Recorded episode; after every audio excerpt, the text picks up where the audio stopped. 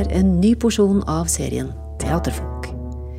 Vi befinner oss igjen inne i en hage med ettermiddagens hjem fra jobblyder omkring oss og byens rumling i bakgrunnen.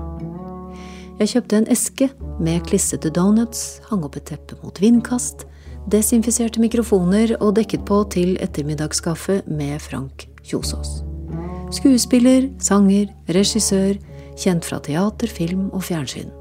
Freddy Halvbroren, Kevin Price i Book of Mormon, Kristoffer i Det merkelige som hendte med hunden den natta, Shakespeare, Ibsen, Pinter Født en sommerdag i Øystese, Hardanger, nå i full gang på Teater Innlandet med prøvene på Den finast eg veit, basert på tekstene til Helbelis.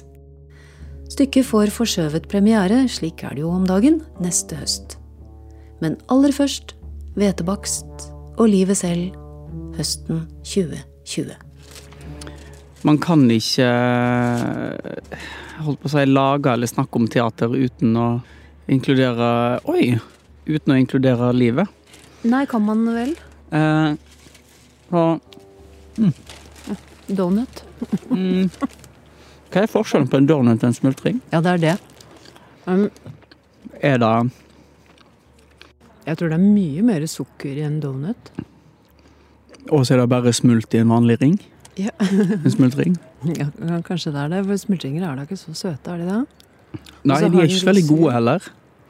Smultring. Nei, for de blir fortere harde. Ja.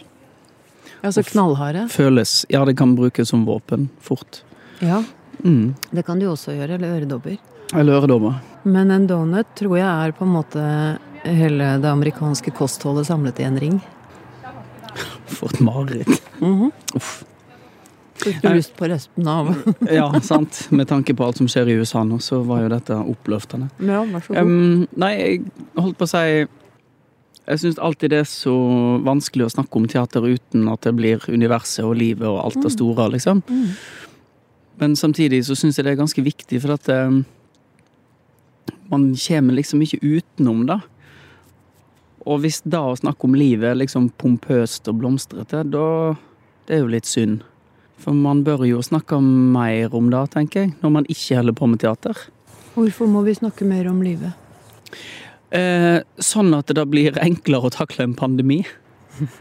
For at jeg tror at man snakker mye mer om livet nå når det er en sånn ekstrem tilstand, enn man gjør det til vanlig. Sånn generelt i livet så er det liksom det å snakke om eksistens er plutselig så mm, stort, liksom. Og istedenfor å liksom eie det litt grann og hva skal man si, omfavne det store, så blir man redd, da. Nei, uff, man kan ikke snakke om livet, det blir altfor mye. Men jeg tenker på den der eh, den, som man, den delen av livet som man snakker om, som er liksom de eh, Litt de fiktive delene. Altså drømmene, ønskene, håpene, lengslene. Eh, da man sier sånn Nei, men det, det fins jo ikke. Nei, men hvorfor kan ikke det finnes? Jeg tror òg jeg tenker mye på det fordi at det er så vanskelig å snakke om min jobb. Hvorfor, hvorfor er det det? det er det jeg ikke helt veit. Jeg prøver liksom å dedusere det i de siste gangene jeg har satt opp eh, teater. Eller mm, noen spør meg, som ikke driver med teater i det hele tatt, eller kunst og kultur, eller sang, dans og drama, liksom. Eh, så prøver jeg å forklare det på en måte som er ganske stort. Som er sånn når jeg snakker om mine Måten jeg angriper en karakter på, for eksempel. Da begynner jeg alltid med å si at jeg finner det punktet der, men, der mennesket er som aller, aller minst. Og aller, aller svakest. Fordi hvis du finner the breaking point, så kan du begynne å bygge karakteren derifra opp. Det er min måte å gjøre det på.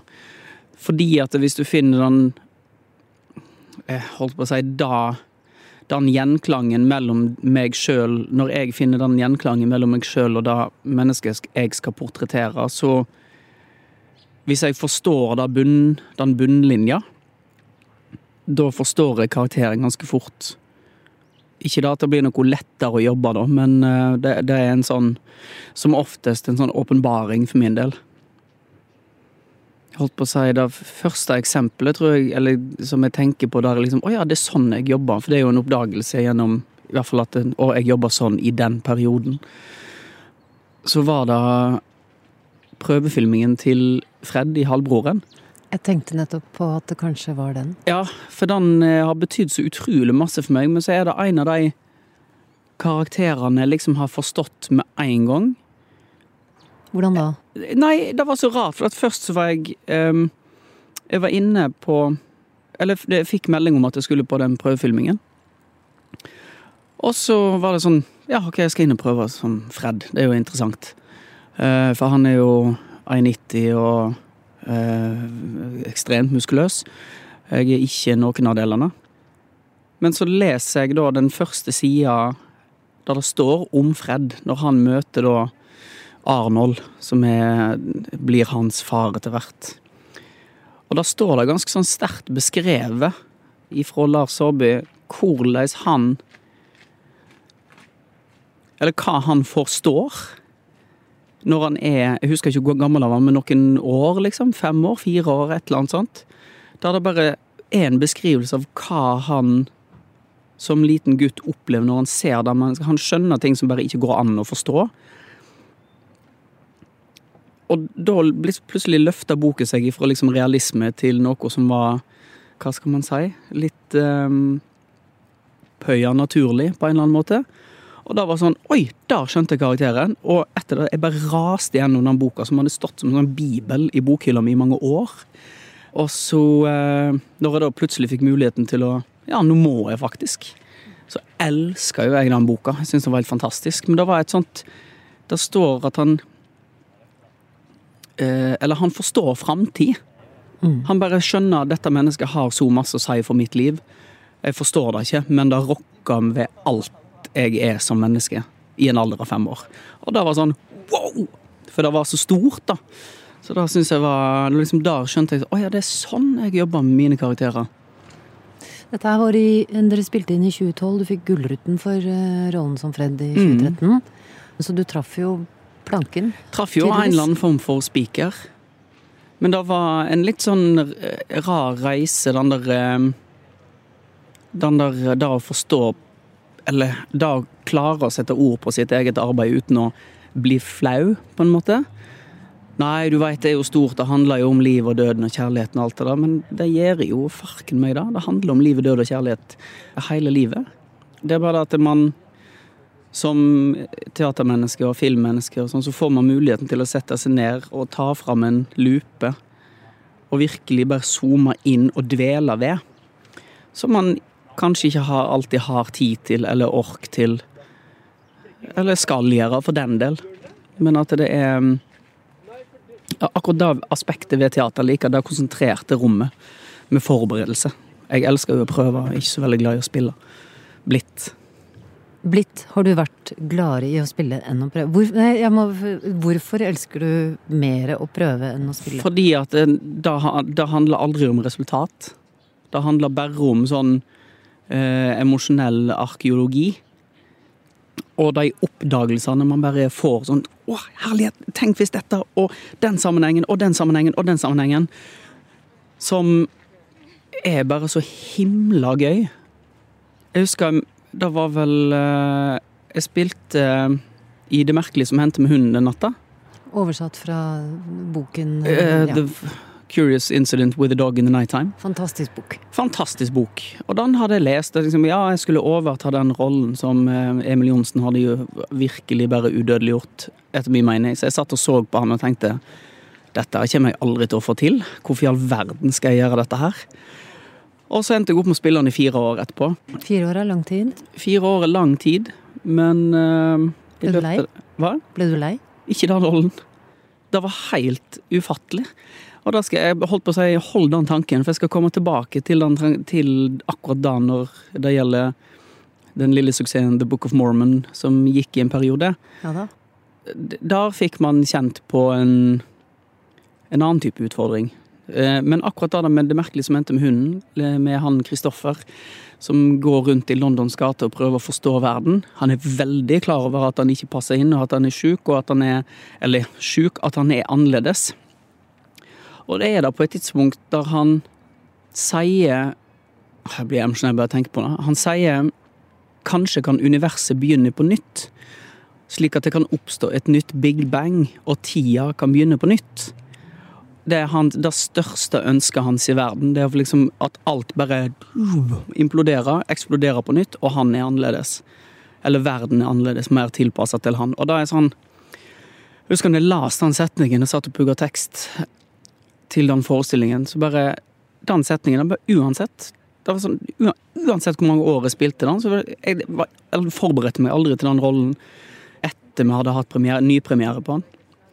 Kom inn i det rommet, og så var det noen sånne setninger som bare I det jeg sa de, så påvirka de mitt emosjonelle liv. Og det var en av de. Og det var sånn som uansett hvor sliten jeg var, jeg liksom hadde jobba på en forestilling på dagen, eller hadde filma på dagen, eller hatt en dårlig dag, hva som helst, men da liksom kom inn i det rommet, og forestillingen begynte, så var det som om ingenting hadde skjedd. På en måte alt var helt nytt. Og dette, dette forstår jeg ikke helt at det går an. Men det er jo liksom jobben, da. Hva het gutten i hunden igjen? Kristoffer? Kristoffer John Francis Boone. 15 år gammel. Mm. Og Fred. Ja. Fred har en følsomhet. Man kan godt si at det er en slags form for overnaturlighet. Eller Mm. en evne til å se framover. Men det kan også være en ekstrem følsomhet. Men det har jo for, for så vidt også Kristoffer. Ja, Selv om han er selv om han er avkobla liksom og påkobla samtidig. Ja. Eller egentlig da alltid påkobla. Ja. Det er der jeg mener at det er det som er Kristoffer sin Og kanskje litt Fred sin ifra, ifra de var barn. Hele den der eh, Det å ta inn hele verden hele tida. Må jo være et slags mareritt og være en sånn parabol som bare tar inn alt av energi til enhver tid. Og det er jo der jeg tenker at Kristoffer har lært noen ting. eh, Øvd seg på noen ting. eh, For å liksom dytte dette i riktig retning. Fordi at han Han unngår de situasjonene som slår han ut av balanse. Men det som han gjør etterpå, at, eh, eller når han eh, skal finne tilbake til at mor faktisk er i, lev, i live, og at faren har ljugd, og så Da hele verden hans bare raser. Men at han da faktisk utfordrer seg sjøl på å reise til London, prøve å finne mor og bare prøve å oppsøke mennesker. Han klarer å takle lyd veldig dårlig, og alt. Hele verden er liksom bare på. Mm. Da, da syns jeg er ganske Ganske Det var en ganske sånn heftig utfordring, fordi når man først åpner da rommet til eh, Holdt på å si stormens øye, istedenfor at han alltid står litt på gløtt, og så kan man kikke inn dit og bare tenke å ja, det, det, det går såpass til helvete, liksom. Mhm. Men så bare åpner man den, og så tar man et steg inn. Og da å slippe inn alt da hele veien, da, da, da blir man sliten av. Men jeg mener at det er òg da man Man kommer dit at man slutter å tenke på det som har med resultatet å gjøre, men at det handler om det tørre å vise og fortelle om den åpenheten, sårbarheten, følsomheten, hva, hva som helst, da, egentlig. Jeg tenker at det finnes en stor følsomhet hos Fred i halvbroren, og hos Kristoffer i, i hendelsen med hunden mm. den natta. Hva med deg selv? Ja, det er der jeg tenker litt at utgangspunktet er, da. Fordi jeg er nok da sjøl òg. Og blir veldig fort emosjonelt engasjert i veldig mange ting. Eh, Jeg så eh, sammen med kjæresten min eh, om igjen Tarzan fra 1999. Den Disney-filmen. Jeg tenkte det er jo en fin film. Og så begynner filmen, og jeg sippa jo altså som Og hun tenkte sånn Hva skjer her nå? Og så kom jeg på at jeg så den sammen med Gjermund Andresen, som har scenografien til forestillingen min, for vi gikk på Romerike folkehøgskole sammen. Og hadde en periode da vi møttes og så Disney-filmer. Blant annet 'Ringene i Notre-Dame' og den Tarzan. Og så har vi fortsatt eh, gjennom livet eh, ved, når det er bursdager, så kjøper vi billetter til dårlige kinofilmer. Bare sånn at vi møtes, kommer oss ut, ser en dårlig film og går hjem. Og det må være en dårlig film? Ja, og så blir vi som oftest overraska, da. Men det Ja. starta med Istedenfor at vi da satt og så en Disney-film hjemme hos eh, den respektive kinogjenger, eh, Gjermund og Frank, så ble det med at vi gikk på kino, vi måtte komme oss ut. Så det starta med Superman Returns. Okay. Som var sånn, Vi satt og så han, og kjenningsmelodien begynner, og jeg bare sånn, får sånne forventninger. Og så er vi halvveis ute i filmen, så bare lener jeg meg over til Gjermund og sier du, dette er ganske dårlig. Så ja, jeg vet det. Men sånn er det. Så da sist gang så var vi og så Avengers Endgame. Oh, Tre og en halv time med tegneseriefilm. hvordan var det? Jeg tenkte jøss, for en film. Dette var dritgøy. Og Gjermund var helt enig. Vi hadde begge to tenkt dette kommer til å bli dritt. Burde man gjøre det oftere? Gå og se en film som man regner med er ganske dårlig, for å se om du kan bli overrasket? Ja, for at har man lave eller ingen forventninger til ting, så blir man jo ikke skuffa. Da blir man sånn Nei, men dette var jo ikke så ille. Nesten som en fest. Nesten som en fest. Og av og til litt som livet sjøl. Egentlig. Jo lavere forventninger, jo gøyere Ja, blir bare, det. eller ikke forvent så mye. Fordi at da blir man Å, herlighet, det gikk jo bra. Ja, så redder man seg sjøl bitte litt. Du var ferdig på Teaterhøgskolen i 2006, Ja. og gikk derfra direkte til det norske. Ja.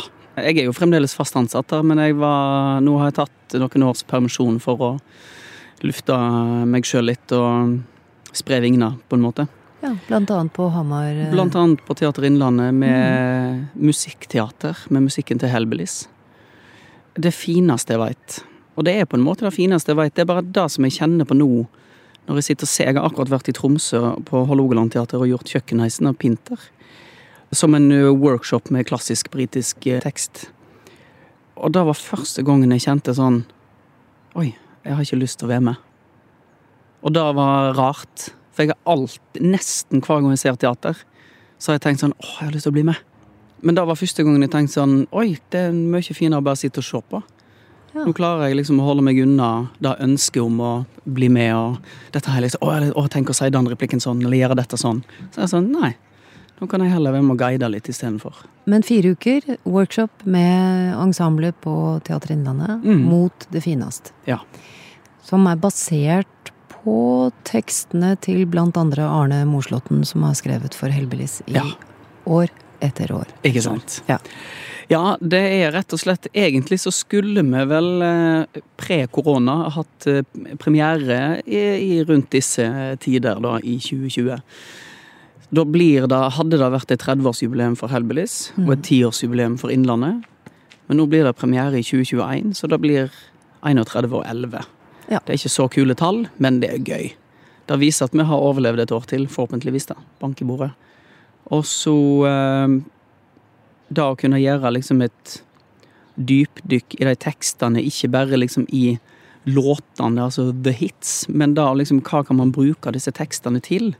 Kan man bruke det som dialog? Kan man knekke det opp mellom fem skuespillere? Kan man la det bli en monolog? Er det, er det eh, kvaliteter som man kan Der man finner liksom sånne kjernesetninger som man kan bruke, med da deres musikk i bånn. Eh, gjentenkt, gjendikta, gjenkomponert av Morten Myklebust med sitt eminente band. Der jeg kan bare be om at Nå går vi inn i dette verset. Kan ikke du bare spille Hvis eh, Tom Styve synger dette siste verset her, kan ikke du bare spille kontrabass med bue, du og han? Ja. Så bare, jo, jo. Og det er sånn uten å øve, bare tenke seg om, og så ble det spilt. Og så blir det dritlekkert, og det er frysninger. Og der òg handler det jo om hva skal man si, da å prøve å finne følsomheten, skråstrek sårbarheten, i de tekstene til Hellbillies, da. I de eh, tekstene som de fleste forbinder med amerikaner, skråstrek country-inspirert musikk. Mm. Som er deres store kilde til inspirasjon. Så må vi som ensemble og jeg som instruktør finne vår inspirasjon. Og da bandet som er med, liksom. Hvordan forteller vi Eller hvordan benytter vi oss av disse tekstene? For de, de begynte jo et sted. Mm. Altså ordene til Moslåtten begynte jo et sted. Og av og til med musikk, av og til uten musikk. Sånn som jeg har skjønt det. Ja da. Og da er det, siden jeg er et tekstbasert mm, skuespillermenneske, så måtte jeg begynne med de ordene. Og det var en ny oppdagelse for min del når det gjaldt de tekstene. Det hverdagspoetiske. Det å si noe ganske, i ordets beste forstand, ganske banalt om noe som er ganske stort. Og da sette seg ned og finne eh, de eh, prøver å løse de gåtene i teksten. Som hva kan konsekvensen av disse ordene være, har vært, komme til å bli? Det syns jeg er ganske interessant. For da kan jeg lage situasjoner og, og rom basert på det som den skuespilleren opplever med disse ordene. Hva kommer du ifra? Hvor skal du? Mm. Skal holde noen plass i det hele tatt? Og akkurat det der ligger jo mye hos uh, Arne Moslåtten. Altså ja. med den hjemstandsdiktninga og kjærlighet ja. og natur og Ja, og det merker man jo bare i låten som røter. Og da å føle seg festa til noe, bare du, dette for, dette, du kan ta du kan ta gutten ut av ålen, men du får ikke ål ut av gutten, liksom. Eller eller Øystese du kan, jeg kan Altså, det vil alltid være noe, da. Noe som er de Ja, eller om du har slått ned røtter et annet sted òg, for den del.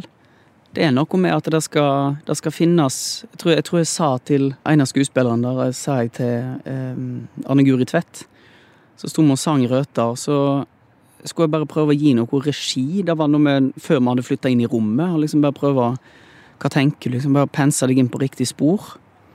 Og så sa jeg Hva for et fjell går du opp på når du kommer hjem til Nord-Norge?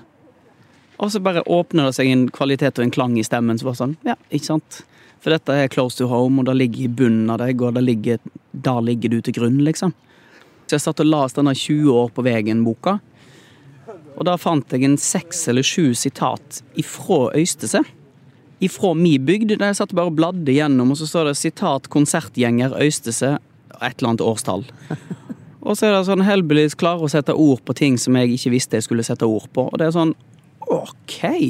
Er det dette som er opplevelsen til en gjengse konsertgjenger? Og så bladde det til neste side. Nytt sitat. Konsertgjenger Øystese. Tenkt sånn. Og det var sånn fire-fem sånne etter hverandre. Da var det sånn OK, men da skal jeg gjøre dette her, da. Da er det et poeng i at, dette, at jeg skal jobbe med dette stykket. Så da lo vi litt av det mens Torleif, teatersjef Torleif og jeg satt på kontoret til agenten til Hellbillies. Nå er jo teater, eller konsertgjenger Øystese er jo for så vidt en tittel, det også. Sant. Da blir vi neste stykke. eller kanskje boka mi. Hvorfor ble du skuespiller? Uh, oi. Um, da begynte begynte med uh, Da begynte med at jeg ville bli advokat når jeg var ganske ung. Uh, til min, mine foreldres store glede. Men jeg skjønte jo Når jeg begynte med rettslære på videregående, så begynte jeg liksom å tenke på hvorfor ville jeg bli advokat. Og det eneste jeg klarte å komme på, var Corbin Bernson sine avslutningstaler i Lov og rett i LA. Det er det eneste jeg kunne tenke på som var en referanse til noe som hadde med advokatyrket å gjøre i det hele tatt. Og så da skjønte jeg at ok, men da er ikke det det jeg skal bli. Og rett etterpå så begynte jeg med russerevyen. I tredje klasse på videregående, med veldig god hjelp av Randi Hjemlestad, som uh, var en slags game changer i mitt liv når jeg skulle bli skuespiller. Hvem er hun? Hun er min norsklærerinne fra videregående. Og hun var vår klasseforstander, uh, eller kontaktlærer, hva det nå heter nå i de tre årene, eller i hvert fall de to siste årene på videregående. Og så da hadde man en sånn elevsamtale. Og så hadde jo alle bestemt seg for hva de skulle. da, Til Bergen, X-FIL, X-FAC, og så skal man studere videre. Hva man skal gjøre, det er ikke sikkert. Eller begynne å jobbe i olja, eller bli tannlege. Mm -hmm. uh, og så hadde jeg egentlig ikke lyst til noen av disse tingene. Uh, jeg visste jeg heller Jeg bare gjorde det. Akkurat i dette tilfellet så var jeg veldig sånn Jeg bare gjør det som de andre gjør. Så følger man vinden litt, eller strømmen litt, og så ser man hva som skjer. Og så sitter jeg og forteller dette da til Randi eh, inne på hennes kontor. Hvorpå hun sier du skal bare drite i å studere, du skal bli skuespiller. Sa hun ja. Og jeg bare jeg, Hva i all verden er du snakker om? Her er en pamflett med folkehøyskole. Ta deg et år. Hvis det ikke passer for deg, så driter du i det. Men jeg mener at du må bli skuespiller. Og det var basert på at jeg hadde og skrevet en sånn revymonolog da, hjemme hos, uh, sammen med, med Randi uh, etter skoletid. Og så endte det opp med at jeg og en venn av meg som heter Are Valle Skjelvan, som òg gikk på Romerike, vi hadde endte opp å gå på Romerike samtidig med meg. Vi hadde regi sammen på den russerevyen, skreiv masse og satte liksom alt i scene. Og så ble det en veldig stor suksess. Men Randi sa altså til meg drit i å studere, du må bli skuespiller. Og så begynte jeg på Romerike. Ante ikke at det fantes en eh, Statens teaterhøgskole før eh, bibliotekaren på eh, Romerike lånte meg nøkkelen til biblioteket. Jeg ringte opp et sånt modem og søkte på Det var vel sikkert Alta Vista eller noe sånt. Som husker du lyden av modemet? Ja. No, no, no. Og så satt jeg og søkte, for det var så mange som spurte ja, har du søkt skolen. Har du søkt skolen? Jeg tenkte hvilken skole er det folk snakker om? Og så skjønte jeg at det er Statens teaterhøgskole. Du kan utdanne deg til å bli skuespiller. Jeg trodde det var den klassiske amerikanske versjonen du må bli oppdaga. På gata På gata, liksom. Av en eller annen agent. caster, liksom. Ja. Eller en agent. Eller begynne å lage smørreklamer. Og For håpe eksempel. at noen ser det. For eksempel. Mm. Og så uh, var det ikke sånn det var, og da uh, fikk pipa en annen lyd, hvis det kan sies på den måten. For da begynte jeg å bli interessert. Og så var det en eh, venn og kollega uh, som jeg nå skal til Trondheim og jobbe med rett før jul, som heter Mats Bones. Han ga meg en sånn dobbel-CD-boks, der han sa hør på disse låtene og lær deg den rollen. Og da var Judas i Jesus Christ Superstar i 2000. 2000. Eller om det var 1999, det husker jeg ikke. Nei, 2000-2001 gikk vi der. Og så drev vi og spilte noen av disse låtene sammen og hørte på og den gikk om igjen og om igjen. og om igjen. Altså, Jeg kan det stykket utenat på engelsk. Og så begynte vi å lage musikk sammen, og begynte å tenke hårete tanker om å skrive egen musikal osv. Og, og så søkte jeg på teaterskolen. Det gikk åt skogen. Jeg var så nervøs at jeg klarte ikke å drikke engang. Jeg tømte, jeg kom inn på første prøve og tømte vannglasset mitt liksom en halvmeter før. Det er sånn, Vidar Magnussen har en sånn karakter som lider av for tidlig motorikk. Eh, da, hadde jeg, da problemet hadde jeg på teaterskolen eh, når jeg søkte på første prøve. Kom selvsagt ikke videre. Søkte i, på en skole i Sverige der jeg måtte øve inn en tekst på veldig kort tid. Sovna på sofaen og var ikke forberedt en plass. Kom ikke videre. Eller kom ikke inn. Jeg var på siste prøven. Så gikk jeg ett år på Bårdar, og der møtte jeg Aleksandra Mushkova. Haugammel dame som var min teaterlærer. Og jeg var veldig glad i å synge, og jeg fikk det liksom til, men det var hun som virkelig tente den der eh, skuespill, ordentlig skuespillergnisten. Men hun, jeg tror hun ble såpass skuffa. Jeg har ikke snakka med henne på lenge, men jeg tror hun ble såpass skuffa når jeg ikke søkte Operahøgskolen. Og det vel, jeg vil at hun skal synge opera. Vi sang jo veldig masse på Bårdar, og hun hadde sett meg synge Getsemane fra Ja. Jesus Christ Superstar. Og da fikk jeg fri ifra hennes skuespillertime. For hun sa sånn, etter du har gjort det da på dagen, så må du hvile. Du skal ikke jobbe nå, du skal ha fri. Han skjønte ingenting. Men eh, store følelser, men allikevel klarer å synge reint. Masse eh, innlevelse, desperasjon. Alle de tingene der som hun Ja, som hun mente at da jeg og operaskolen, vi burde gå hånd i hånd. Men du synger i, eller sang i Book of Mormons også? Ja. Absolutt. Det kan du trygt si. Altså, Book of Mormon er jo en sensasjon verden over, kan man vel strengt tatt si. Vi fikk da på Det Norske Teatret muligheten til å sette opp dette i 20, starten av 2017, tror jeg. Ja, da hadde vi i hvert fall prøvestart og premiere september 17, men eh, jeg visste jo om at vi skulle gjøre det i 16. For da dro jeg til London og så forestillingen der. Det er ikke ofte jeg får klage på teater. Jeg vet at jeg snakker veldig høyt og ler veldig høyt, til noens glede og noens forargelse. Men jeg klarer ikke å styre meg der. Da sitter jeg på andre rad cirka, tredje rad, og ler så høyt at det er ei dame som bare lener seg over til meg og så sa hun I'm sorry, you have to keep it down because I can't hear a thing. Og da var jeg, måtte, jeg bare, jeg tenkte, jeg ble jo sur, men òg så forsto jeg det, for det var så morsomt. Og så tenkte jeg, hvordan skal dette gå med oversettelsen? Og så leser jeg Are Kalves oversettelse, og blir helt slått i bakken. Jeg syns det er så bra, og det er en del ting som er morsommere. Jeg måtte bare endre én ting, som ble en sånn liten catchphrase som heter 'noe helt makeløst'. Sorry, Are, men den tar jeg. Du har sagt i et eller annet intervju, jeg husker ikke hvilket, at du hadde lyst til å spille tøffinger med pistol. Ja. Da starta med filmen 'Tequila Sunrise' med Mel Gibson, Michelle Pfeiffer og Raoul Julia. Som eh, henholdsvis skurk, jomfru i nød, eller sikkert eh, en eller annen love interest for en av de, og FBI-agent. Og på et tidspunkt det er en scene jeg aldri glemmer. Det er en mørk scene, det er flammer rundt, og det ligger sånne oljefat rundt om i havet. Og de kjører rundt med speedbåt på havet, og de skyter, og det eksploderer. Og jeg tenkte bare sånn wow, tenk å ha dette som jobb. Og da var jeg ni år. Og så har man jo vokst opp med liksom forbilder som Tarzan, He-Man og alle disse, altså hele 80-tallet. Da liksom kroppsfokuset til menn og kvinner var jo totalt ute. Hulken. Hulken, ja, for eksempel. Ja da. Men han hadde jo en mørk sånn sinnslidelse i tillegg, da. Samme som Batman, egentlig. Altså Drømmen jo alt, har jo alltid vært og er alltid Supermann, selv om han er sup, altfor super. Jeg skjønte at jeg snakket mye om superhelter og Batman og Supermann når jeg til bursdagen min en gang fikk boka Batman and Philosophy. Der de sammenligna måten Batman opptrer på med, sammen med moderne og klassiske filosofiske tekster. Som jeg synes var, det var gøy å lese litt grann av.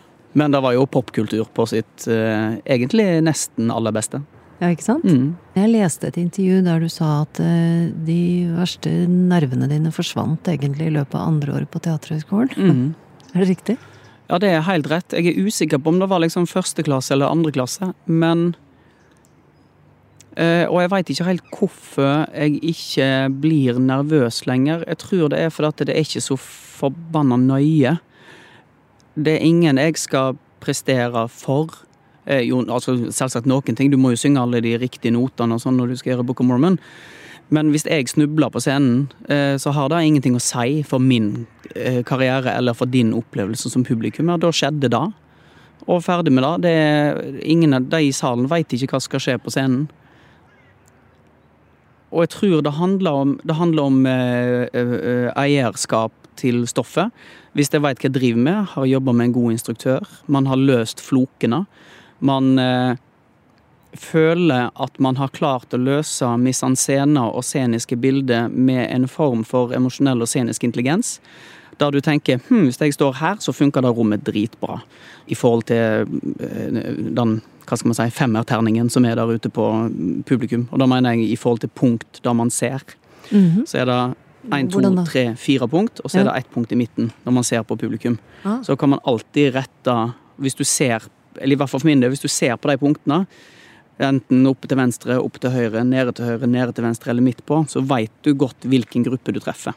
Da kan det se ut som at jeg ser rett i øynene på i hvert fall mellom 5 og 35 skuespillere, nei, publikummere. Eh, og da merker man at å ja, dette er velkomponert. Du kjenner liksom at det, her, her svinger det. Da blir jeg ikke nervøs. Men når du er med på ting som er dritt, da blir jeg nervøs. Og det har du vært med på? Ja. Jeg har, uten å nevne verken produksjonsnavn eller noe som helst annet, så har man vært med på ting der man er sånn Dette er så dårlig. Men da blir jeg nervøs.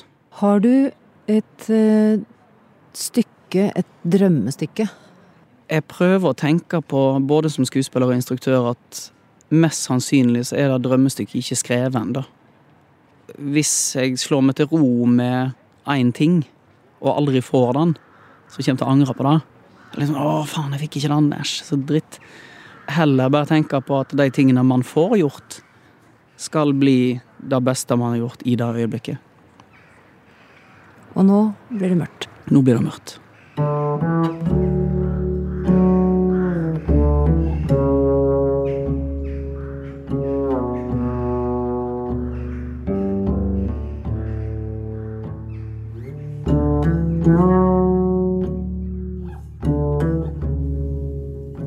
Neste utgave av Teaterfolk møter du scenograf Kristin Bengtsson. Det er noe veldig, veldig um, nakent da, i dette her å holde på med teater. Det er skjørt, og det er skummelt, og det er fantastisk. Teaterfolk lages for Teater Innlandet av meg, Kari Slottsveen. Produsent Unni Moløkken. Bakkemannskap, foto og formidling Liv Holte Steine. Musikken er komponert og fremført av Ellen Andrea Wang.